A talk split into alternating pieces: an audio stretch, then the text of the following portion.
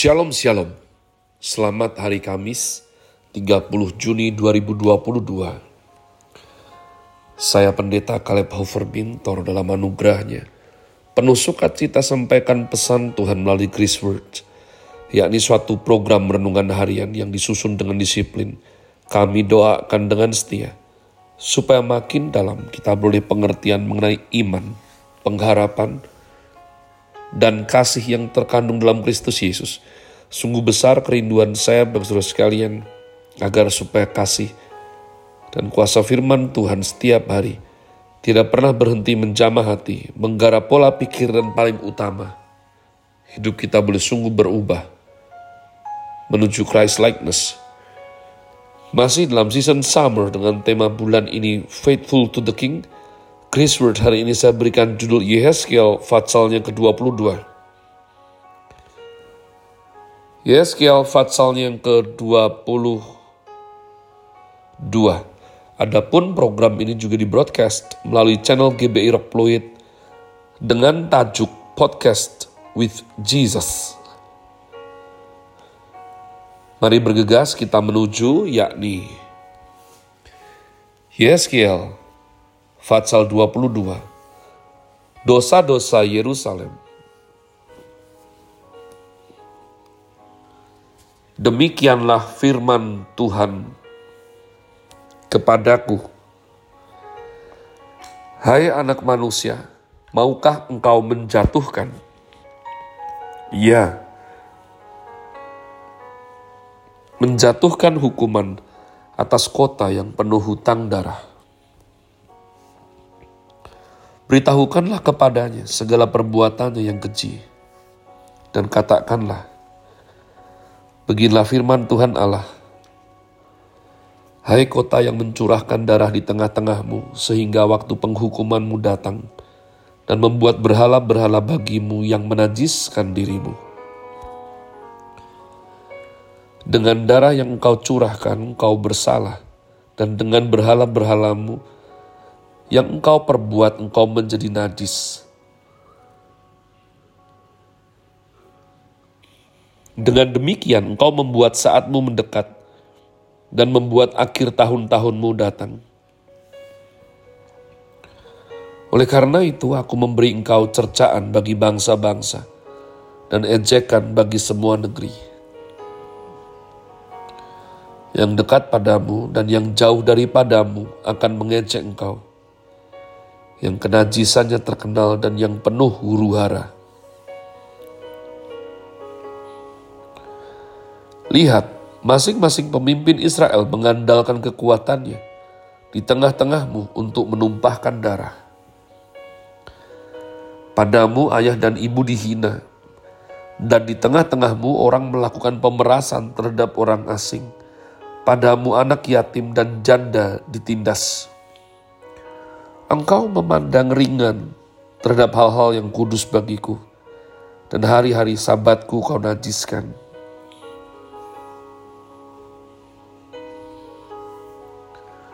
Padamu berkeliaran orang-orang pengfitnah dengan maksud mencurahkan darah, dan orang makan daging persembahan di atas gunung-gunung, kemesuman dilakukan di tengah-tengahmu. Padamu orang menyingkapkan aurat istri ayahnya, dan memperkosa perempuan pada waktu cemar kainnya yang menajiskannya. Yang satu melakukan kekejian dengan istri sesamanya, dan yang lain menajiskan menantunya perempuan dengan perbuatan mesum. Orang lain lagi memperkosa saudaranya perempuan, anak kandung ayahnya. Padamu orang menerima suap untuk mencurahkan darah. Engkau memungut bunga uang atau mengambil riba dan merugikan sesamamu dengan pemerasan. Tetapi aku kau lupakan. Demikianlah firman Tuhan Allah. Sungguh, aku bertepuk tangan mengenai keuntunganmu yang haram, yang kau dapati dan mengenai darah yang dicurahkan di tengah-tengahmu. Apakah hatimu akan tetap teguh dan tanganmu merasa kuat pada masa aku bertindak terhadap engkau? Aku Tuhan yang mengatakannya dan yang akan membuatnya. Aku akan menyerahkan engkau di antara bangsa-bangsa dan menghamburkan engkau ke semua negeri, dan aku akan mengikis kenajisanmu daripadamu. Maka engkau akan dinajiskan di hadapan bangsa-bangsa karena kesalahanmu sendiri, dan engkau akan mengetahui bahwa akulah Tuhan. Lalu datanglah firman Tuhan kepadaku, Hai anak manusia, bagiku kaum Israel sudah menjadi sudah menjadi sanga. Mereka semuanya adalah ibarat tembaga timah putih besi dan timah hitam dalam peleburan. Mereka seperti sanga perak. Sebab itu beginilah firman Tuhan Allah. Oleh karena kamu semuanya menjadi sanga, maka sungguh Aku akan mengumpulkan kamu di tengah-tengah Yerusalem.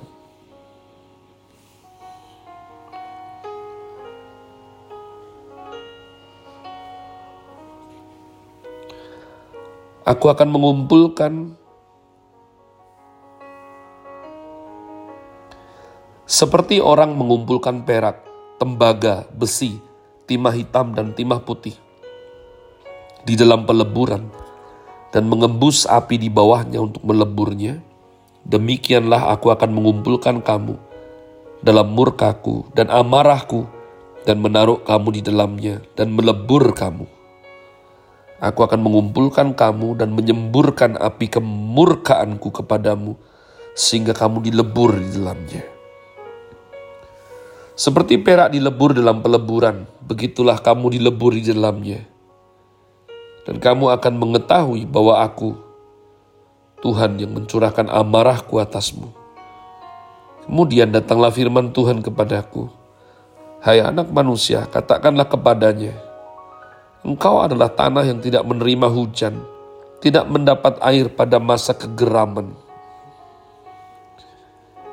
Yang pemimpin-pemimpinnya di tengah-tengahnya seperti singa yang mengaum, yang menerkam mangsanya, manusia ditelan, Harta benda dan barang-barang yang berharga dirampas, janda-janda dibuat bertambah-tambah di tengah-tengahnya.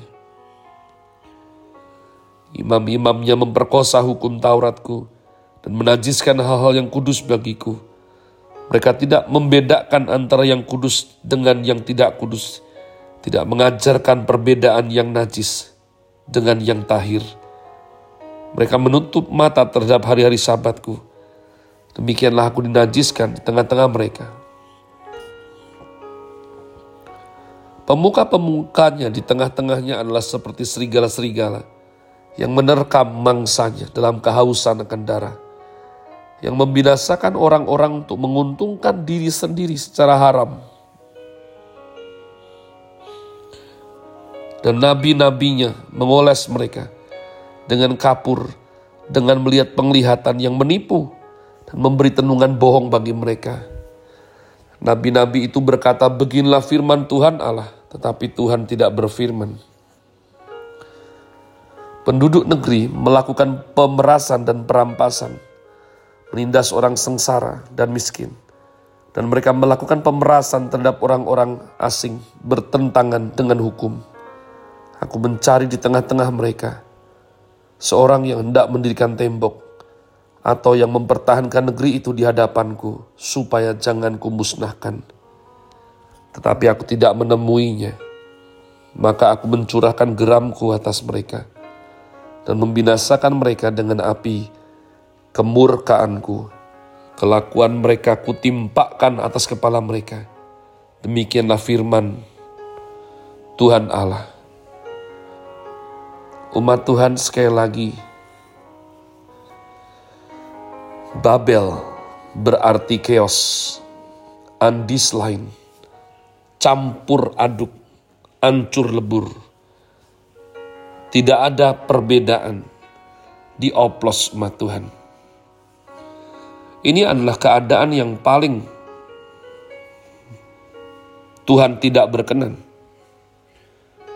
Ketika manusia, umat pilihan hidup seperti yang bukan pilihan Ayat demi ayat dalam Fatsal Yehezkiel mengandung murka Tuhan sekaligus kasih.